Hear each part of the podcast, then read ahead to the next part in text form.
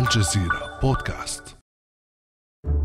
نحن في الرابع عشر من مايو 1948 على وقع تصفيق شديد يقف ديفيد بن الرئيس التنفيذي للمنظمة الصهيونية العالمية متحدثا أمام ما كان يعرف حينها بمجلس الشعب الذي يضم جميع التيارات الصهيونية في فلسطين والذي تحول فيما بعد إلى مجلس الدولة المؤقت.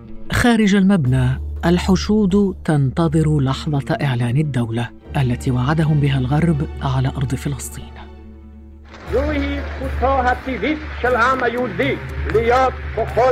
إنه لحق طبيعي للشعب اليهودي في أن يكون أمة مستقلة في دولتها ذات السيادة مثل سائر الأمم.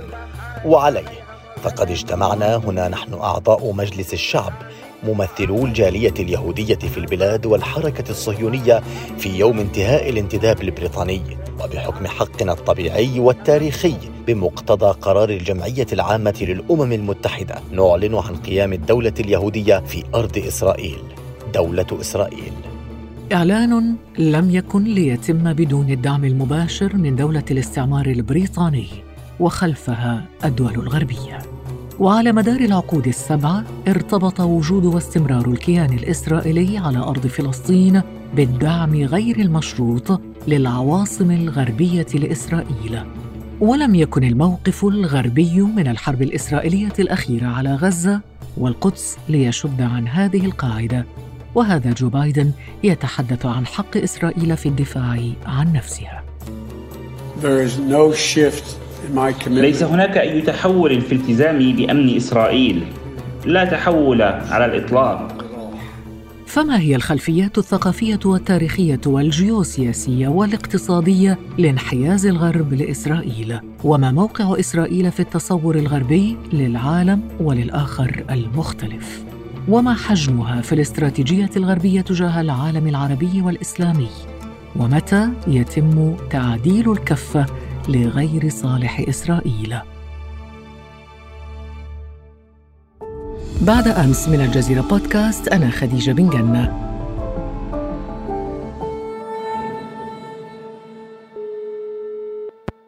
ويسعدني كثيرا أن نرحب في هذه الحلقة بالدكتور رائف زريق أستاذ فلسفة القانون والباحث بمؤسسة الدراسات الفلسطينية. من الناصرة. مساء الخير دكتور رائف. مساء الخير لك ولجميع المستمعين.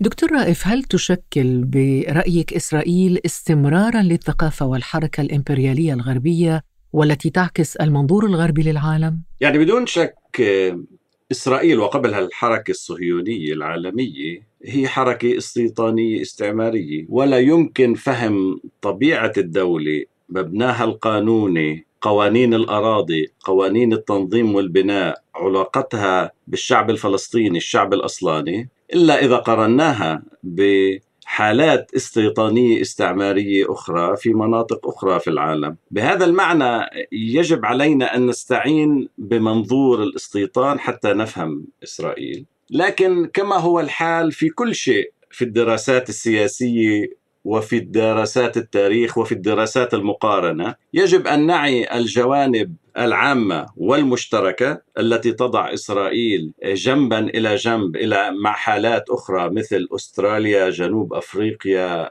أمريكا وكندا، وفي نفس الوقت أن نفهم ونتفهم أن هناك خاصية لكل حالة وحالة إذ أنه الحالات لا تعيد نفسها تماما في حالات الاستيطان الاستعماري. لكل حالة هناك خاصية معينة والحكمة تقتضي أن نرى ما هو الخاص وأن نرى ما هو المشترك مع هذه الحالات. هل معنى هذا الكلام دكتور رائف رزيق أنه الصهيونية خرجت من أوروبا لتعود إليها فكريا واقتصاديا وسياسيا ومنظوميا وغير ذلك؟ المسألة اليهودية شغلت الفكر الفلسفي والسياسة فترة طويلة منذ بدايات القرن التاسع عشر إن لم يكن قبل ذلك يعني تجدين في الأدبيات الأوروبية من شكسبير مرورا بجون لوك بهوبس بكارل ماركس بسارتر شغلت الفكر الأوروبي وهي مسألة أوروبية والصهيونية أرادت أن تحل المشكلة اليهودية خارج خارج أوروبا لكن عم عملا بالمفاهيم الأوروبية نفسها بالأدوات المفهومية الأوروبية نفسها بالاستعانة بالمنظومة الاقتصادية الأوروبية نفسها وعالم المفاهيم الاستيطاني نفسه.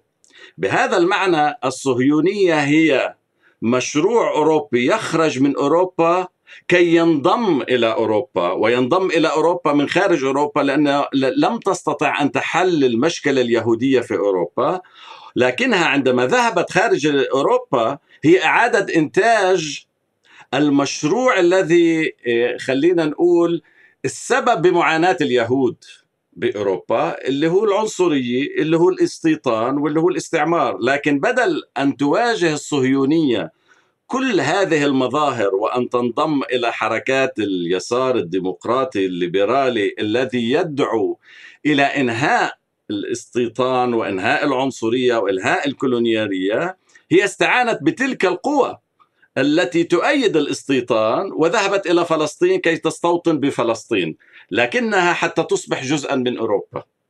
ليس جغرافيا أن تنضم إليها مفهوميا وتاريخيا. إذا هناك تماهي أيضا مع ما يطرحه المفكر الراحل عبد الوهاب المسيري في مفهوم الدولة الوظيفية لوصف إسرائيل باعتبارها آلية لتكريس الهيمنة والسيطرة الغربية على النظام الدولي تحديدا في العالم العربي والإسلامي نظرا للأهمية الجيوستراتيجية للمنطقة باعتبارها مركزا حضاريا شكل منافسا تاريخيا للغرب ولحضارته. لنستمع أولا. الحركة الصهيونية. نجحت فيما نجحت فيه. ليس بسبب السيطرة الصهيونية واليهودية على مؤسسات صنع القرار في الولايات المتحدة نجحت لأنها اكتشفت أن المشروع الاستعماري الغربي هو الآلية الوحيدة لتنفيذ أي مشروع في في العالم. ومن ثم هرتزل اكتشف ذلك وأدخل المنظومة الصهيونية ضمن هذه المنظومة الاستعمارية العالمية ويظل هذا هو النمط الأساسي. طيب دكتور رائف رزيق يعني في الوقت الذي يرى فيه البعض أنه إسرائيل تتحكم في أمريكا وفي الغرب عموما لضمان دعمها والانحياز إليها عبر اللوب اليهودي في أغلب هذه العواصم هناك من يذهب إلى قول العكس من ذلك أنه إسرائيل في الحقيقة هي أداة غربية في المنطقة للضبط الأمني والعسكري وضمان استمرار تدفق النفط والغاز. وإعاقة ظهور قوى إقليمية منافسة ما مدى دقة هذا الطرح برأيك؟ يعني عادة الحقيقة هي بين قطبين وإن ليس بالضرورة في الوسط بمعنى حقيقة إسرائيل ويظهر ذلك عندما تريد الولايات المتحدة أن ترفع حمايتها عن إسرائيل في قضايا الفيتو إسرائيل ترتعد فرائضها مما يعني أنه في نهاية المطاف إسرائيل تعتمد على الدعم الغربي وبالأساس على الدعم الأمريكي. لكن لا يمكن القول أن إسرائيل تعتمد على أمريكا كما تعتمد مثلا السعودية على أمريكا مثلا أو خلينا نقول مصر على أمريكا. أين وجه الفرق؟ وجه الفرق بأنه إسرائيل تكنولوجيا وعلميا وعسكريا واقتصاديا هي دولة مقتدرة وهامش مناورتها هي أكبر من هذه الدول الأخرى في المنطقة. وإذا أنت تلاحظين إسرائيل فتحت بوابة على دول أخرى غير أمريكا وهي تحتسب لذلك اليوم الذي قد يتحول الرأي العام في أمريكا وهي فتحت بوابة حديث مع روسيا فتحت بوابة حديث مع الهند فتحت بوابة حديث وتبادل تجاري مع الصين. وبالتالي هامش مناورتها أقوى. وعليه لا يمكن القول فقط أنها مجرد أداة تماما لأنه إسرائيل خلينا نقول لديها بعض عوامل الضغط لأنها تقدم خدمات جليلة جدا للغرب. يعني فلنفكر فقط مثلا بال بالخدمات الاستخباراتية والمعلوماتية التي تقدمها إسرائيل للغرب بحكم كونها موجودة في هذه المنطقة واستخباراتها يعني موجودة في كل زاوية وزاوية من هذه المنطقة. مدى الخدمات الجليلة التي تقدمها بصفتها يعني شرطي ومخبر حول هذه المنطقة. بهذا المعنى إسرائيل بحاجة للغرب لكن الغرب أيضا بحاجة إلى إسرائيل ولا يمكن النظر إلى إسرائيل وكأنها يعني مجرد لعبة. لكن صحيح أنه بنهاية الأمر إسرائيل بسبب عدائها للمنطقة بسبب وجودها كجسم غريب في المنطقة هي تبقى في حاجة مستمرة إلى الغرب. وأنا بعتقد أنه جزء من عدم رغبة الغرب في تطبيع علاقة إسرائيل مع المنطقة عن طريق سلام عادل جزء منه هو إبقاء إسرائيل في حالة الحاجة إلى الغرب كي تستطيع الغرب آه، أن يضمن إسرائيل كخادم لمصالحه في المنطقة. طب هذا الدور دكتور رائف رزيق يعني هذا الدور يمكن أن تفعله وتقوم به أي دولة من دول المنطقة دور الخادم دور الشرطي دور المخبر؟ لماذا إذا إسرائيل تحديدا؟ أنا أعتقد أن هذا سؤال ممتاز جدا جدا جدا. كذلك يمكن أن تسألي سؤال آخر. لنفرض أن مصالح الدول أو القوى الاقتصادية الكبرى في الغرب لها مصالح مع إسرائيل.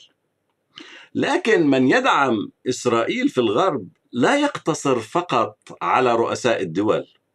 هناك مزاج شعبي واسع جدا يدعم إسرائيل وبالتالي لا يمكن اطلاقا فهم الدعم لإسرائيل ضمن المنظور الوظيفي الإقليمي والاقتصادي العسكري الذي ينظر له أستاذنا آه، عبد الوهاب المسيري.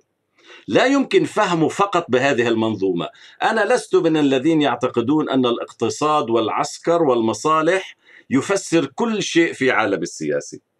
أنا لست مثاليا اطلاقا، لكن علينا أن ننتبه للحقيقة التالية أن نرى ما هو المشترك وما هو المختلف بإسرائيل كحالة استيطانية استعمارية. هل يمكننا أن نشير إلى حالة استيطانية استعمارية قامت بموافقة الأمم المتحدة وتصفيق الأمم المتحدة؟ عام 47 نحن ننسى أحيانا أن إسرائيل قامت بالقوة لكنها ليس فقط بالقوة قامت من شرعية أعطتها إياها الأمم المتحدة. هل نعرف حالة استيطانية استعمارية كانت تحظى بهذا خلينا نقول التعاطف الأخلاقي في وضع ما بعد الحرب العالمية الثانية والكارثة؟ يعني معظم الحالات الاستيطانية الاستعمارية كان الشعب الأصلاني يواجه مستوطن مدجج بالسلاح والقوة وكان هناك تفوق واضح للمستوطن. الفلسطينيون يواجهون حاله أكثر تعقيدا لأنهم يواجهون قوة استعمارية مدججة بالسلاح والقوة العسكرية والاقتصادية لكن يواجهون مستوطن مدجج بالأضحوية الأخلاقية باعتباره الضحية المطلقة للقرن العشرين. وبالتالي هذا يفرض وضع أكثر تركيبا وأكثر تعقيدا ويضع تحدي أكبر أمام الفلسطيني في نضاله. يعني إذا بدي أنهي بجملة أوروبا ترى من اليهودي ظهره كلاجئ يهرب من أوروبا وهو موضوع للتضامن باعتباره ضحية، نحن الفلسطينيين نرى وجه هذا الذي كان لاجئا نرى خوذته وبندقيته وبصفته مغتصب لأرضنا. نعم النظرة الغربية أو السردية الغربية كما ذكرت آه، دكتور رائف تقوم على فكرة مناصرة الضعيف. الضحية وهذا يعزز الشعور بالتطهر الأخلاقي لدى الغرب والرغبة في التكفير عن الهولوكوست. أليس كذلك؟ تماما أصبت تماما. يعني أوروبا عندها نموذجين من الآخر. هناك آخرين لأوروبا. النموذج الأول للآخر هو اليهودي. يعني الفكر الأوروبي منذ أن تحرر من الإقطاع ووعد بعد الثورة الفرنسية بالمساواة ظهر سؤال ماذا نفعل باليهودي؟ يعني في منتصف القرن التاسع عشر كان حوالي 12 آه، مليون يهودي في أوروبا.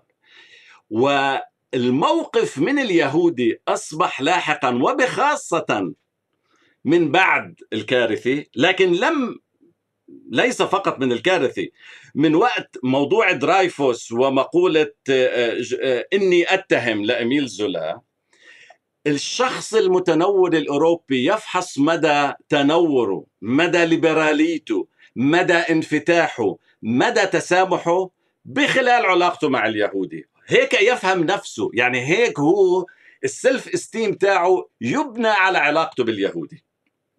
في في مثل هذا الوضع ليس صدفة ليس صدفة. يعني أنا مرات آه، بحتار ولكن أصل لاستنتاجات مختلفة. يعني لما إدوارد سعيد يذكر في لقائه مع مثلا آه، جان بول سارتر ميشيل فوكو بالسبعينات ولمس بأنه هؤلاء الذين ناصروا كل قضية كل نضال ضد ال colonialism في قضية فلسطين كان هناك تأتأة.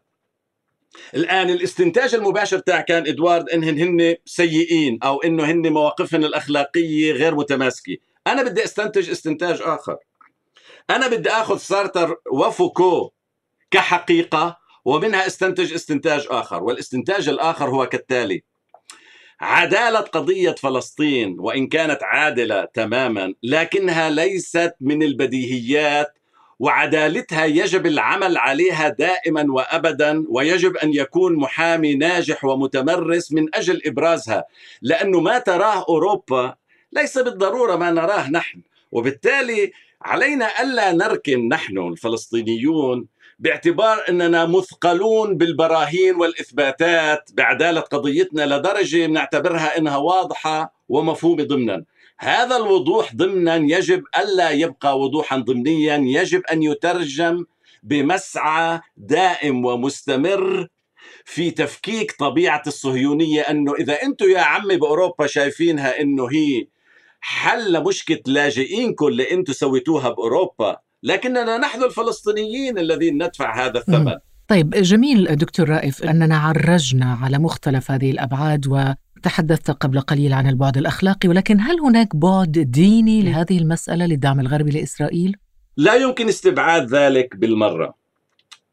لا يمكن استبعاد ذلك بالمرة آه، بأي معنى؟ بمعنى أن هناك علاقة هي تمزج من الحميمية والحقد ما بين التراث المسيحي والتراث اليهودي. لماذا؟ لأنه المسيحية هي استمرار لليهودية واستئناف عليها في نفس الوقت. وبالتالي في هناك كيف كيف في داخل البيت بتكون مرات علاقات بيوم معين بتكون حميمية وبيوم آخر تكون هي منتهى الغضب والحقد. مزاجية. وب...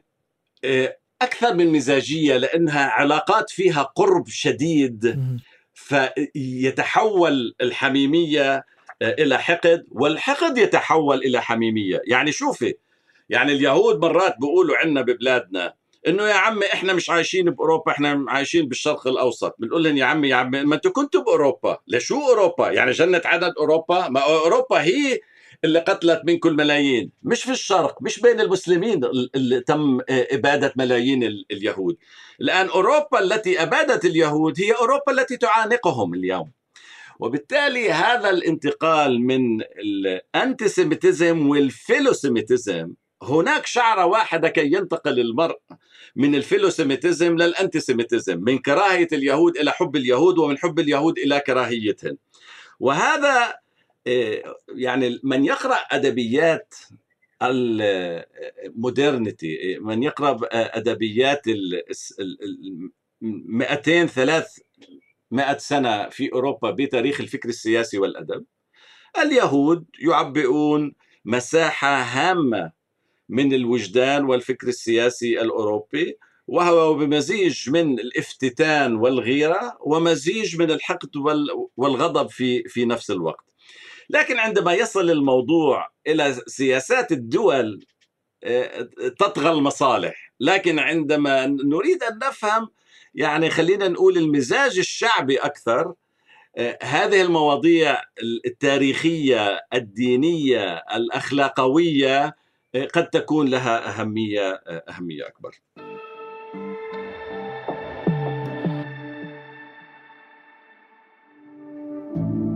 بعد أمس يأتيك صباح كل يوم مع فنجان قهوتك. لا تنسى تفعيل زر الاشتراك في تطبيقك لتصلك الحلقات الجديدة في الصباح الباكر. طب دكتور هنا نتحدث عن الغرب. ككتلة واحدة جامدة أم هناك فروقات ربما؟ حقيقة يعني زي بكل بكل تعميم في جزء من الصحة ولكن ككل تعميم هو في بعض الإجحاف لأنه عندما نقول الغرب هل نقصد الحكومات الغربية هل نقصد الرأي العام الغربي؟ هل نقصد الكنيسة في الغرب؟ هل نقصد الرأي العام في الشارع في الجامعات؟ وبالتالي يجب الحذر عند التعميم في هذه المواضيع. لكن إذا شئنا أن نتحدث شيء خلينا نقول عن المخيال عن المخيال السياسي. المخيال السياسي الذي نما في في أحضان أوروبا أوروبا كانت منطقة صغيرة استوعبت بقية العالم كمناطق يجوز وممكن وأحيانا ضروري التوسع والاستيطان فيها. وبالتالي فكرة الاستيطان فكرة الخروج إلى الخارج والاستيطان هي ليست فكرة غريبة على الفكر الأوروبي على الخيال الأوروبي. يعني أي أوروبي اليوم إذا بتساله عن سيدو ستو ممكن يكون وضع أنه سيدو وستو خلقانين بكينيا أو خلقانين بوحده من المستوطنات التي كانت. وبالتالي في هناك نوع من التعود على فكرة على فكرة الاستيطان. لكن طبعا يعني أنتم اقتبسته من تشومسكي. طب شومسكي ما هو من الغرب يعني. ومثل تشومسكي في مئات وآلاف وملايين الناس الذين يعارضون آه، هذا الطابع الاستيطاني الاستعماري. لكن نحن نتحدث بتعميم ودائما هناك في خطر من هذا التعميم ويجب الحذر من هذا التعميم ويجب دائما إيجاد الحلفاء. عندما نتحدث في السياسة يجب أن نجد من هم حلفائنا في الغرب الذين وإن كانوا أتوا من هذه الخلفية ومن هذا الخيال السياسي الذين يريدون إنهاء حالات الاستيطان، حالات التمييز، حالات التفرقة، حالات الاحتلال، وبالتالي في فرق بين لما نحلل إحنا تحليل تاريخي فلسفي بين لما نشتغل بالسياسي. لما بنشتغل بالسياسي وبنقول الغرب بهذا التعميم أنا أعتقد هون آه، يصبح آه، في شيء خطأ في خلل إذا بدنا نحكي بهذا المستوى من التعميم. ولكن ما شاهدناه مؤخرا دكتور رائف؟ من قدرة النخب والشعوب الغربية على الخروج إلى الشوارع وربما الانتصار للحق الفلسطيني وإن كان على شكل مظاهرات في الشوارع. وهناك تنامي في الوعي الشعبي الغربي بهذا العبء الأخلاقي والسياسي الذي تشكله إسرائيل وكلفة الانحياز إلى دولة تفعل كل ما شاهدناه على الشاشات خلال الحرب الإسرائيلية الأخيرة على غزة والاعتداءات المتواصلة على القدس. هل تشكل هذه المظاهرات وهذا الوعي المتنامي لدى الرأي العام الغربي بداية تحول في الموقف الغربي؟ هناك شيء يتحول أنا مثلا علاقاتي في الولايات المتحدة باتصال دائم هناك شيء يتحول في, في هناك عبء معين حتى يمكن استشعاره ما بين القوى الليبرالية اليهودية في داخل أمريكا التي أصبحت تشعر بعبء إسرائيل أنه إسرائيل هي عبء أخلاقي عليها. لكن حقيقة حقيقة يجب أيضا أن نعرف حدود هذا التضامن. وهون أنا سأصل إلى نقطة في غاية الصعوبة في غاية الصعوبة أخلاقيا وفي غاية الصعوبية وجدانيا. حتى يتحقق تحول كبير في الغرب نحن بحاجة لأمرين وليس لأمر واحد. الأمر الأول يجب على إسرائيل أن تعرف حدود قوتها، يعني يجب أن تتألم. يعني يجب على إسرائيل أن تعرف انه هناك حدود للقوة. لأنه ما دامت إسرائيل مش شايفة حدا يردعها فهي عندها شعور أنه يمكن الاستمرار في هذا الوضع إلى ما لا نهاية، ومهما حكينا ومهما يعني أبو مازن تحدث عن ضرورة حل مع إسرائيل لن يستمع إليه أحد، لأنه ليش يستمع أحد؟ ما دام الوضع جيد وما دام الاحتلال ليس له تكلفة. إذا منطق القوة. هذا جزء من المعادلة. والآن سأصل إلى الجزء الآخر وقد يكون هو يعني السؤال الصعب. السؤال الصعب هو منطق القوة هو منطق مهم لكن هناك سؤال آخر. السؤال الآخر هو ماذا يقترح؟ ليس فقط الفلسطينيون إنما العرب على اليهود بفلسطين. يعني حتى لو كان هناك استياء عار من سياسات إسرائيل سيحضر السؤال لاحقا في مرحلة معينة اجلا أم عاجلا ليس فقط من قبل أعدائنا من قبل آه، أصدقائنا الفلسطينيين أو يعني مناصري القضية الفلسطينية ستأتي اللحظة وسيسألون ماذا تقترحون على اليهود بفلسطين؟ ما هو الحل الذي تقترحونه عليهم؟ بما معناه هناك حاجة للضغط وهناك حاجة لتقديم مخرج. ما هي ما هي الكونستليشن ما هي التنظيمة التي يمكن الموافقة فيها على العيش مع اليهود في فلسطين؟ المشكلة أنه ما يقترحونه هو العكس التطبيع. التطبيع طبعا مرفوض آه، جملة وتفصيلا التطبيع في ظل استمرار الاحتلال والأبارتهايد هذا طبعا مرفوض جملة وتفصيلا بس هذا هذا يعني أن هناك نوع من الإشكال أو نوع من التعقيد اللي بحاجة إلى شرح مركب حول كيف يعني أوروبا سوت لنا مسألة يهودية ما عرفوش يحلوها ورثونا إياها ورثونا إياها بالشرق وشئنا أم أبينا في مرحلة معينة علينا أن نعرض تصورنا كيف تحل المشكلة اليهودية بالشرق. هل نعطيهن هن طائفة دينية يأخذوا حقوقهن كطائفة دينية؟ هل هن مجموعة قومية؟ ما هو الحل الذي نرتئيه والذي نستطيع أن نجاهر به عالميا بأنه حل عادل؟ لكن دكتور رائف هل ترى أن استمرار دعم الغرب لإسرائيل مشروط أساسا باستمرار هيمنة الغرب على النظام الدولي؟ خصوصا أنه الآن بدأنا نشهد ظهور قوى دولية جديدة مثل ومؤثرة عالميا وإقليميا مثل الهند مثل الصين أولا والهند وروسيا وغيرها من الدول. ما بعرف كيف رح يأثر. أنا ذكرت سابقا في حديثنا أنه إسرائيل منذ فترة أنا على علم مثلا بقديش إسرائيل عم تدرب كوادر لدراسة اللغة والتاريخ الصيني. أنا بعرف في الجامعات الإسرائيلية هناك تحضير لكوادر إيه، حتى تفتح علاقاتها مع الصين. كيف سيؤثر تحول العالم إلى عالم متعدد القوى؟ غير واضح يعني هذه الشغلة معقدة لأنه ممكن تعدد محاور القوى قد يزيد من وزن إسرائيل وليس يضعفها. لأنه في هذه الحالة ستصبح حاجة الغرب إلى إسرائيل قد تزيد ولن تقل يعني في حالة بروز الهند والصين. كقوة تريد أن تتمدد وتحكم سيطرتها وقبضتها على منطقة الشرق الأوسط قد يزيد الأهمية الاستراتيجية لإسرائيل.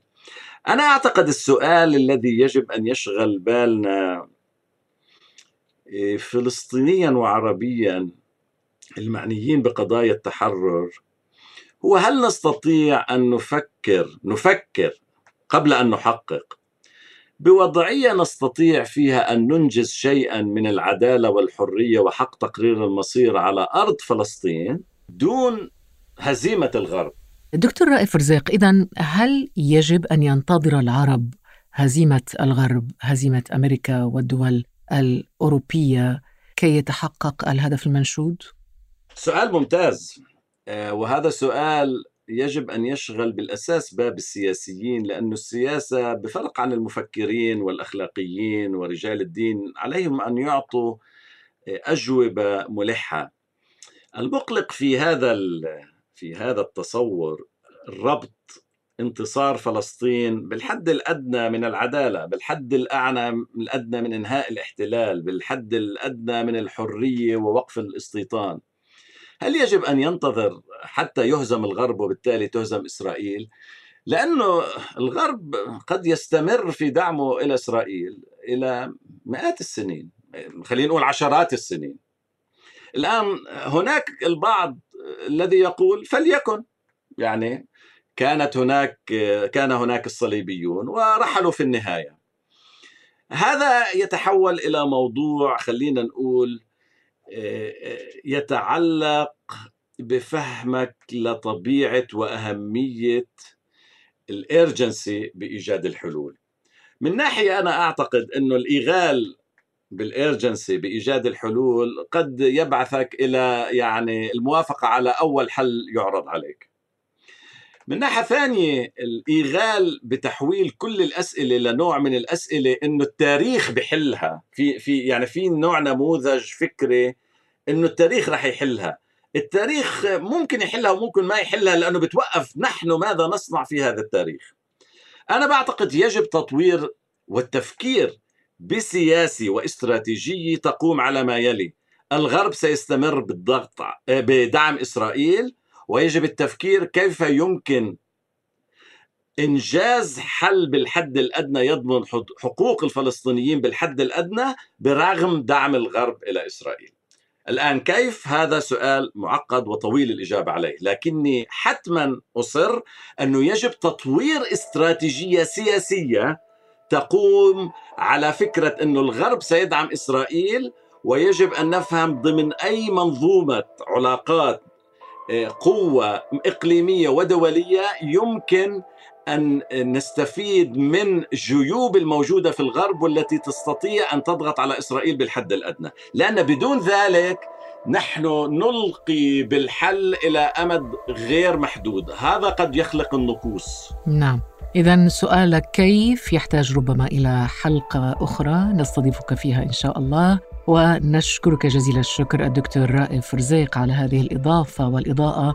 الجميلة جدا على هذا الموضوع الدعم الغربي لإسرائيل. الدكتور رائف رزيق أستاذ فلسفة القانون والباحث بمؤسسة الدراسات الفلسطينية من الناصرة شكرا جزيلا لك. شكرا لك وشكرا للمستمعين. بارك الله فيك. كان هذا بعد أمس.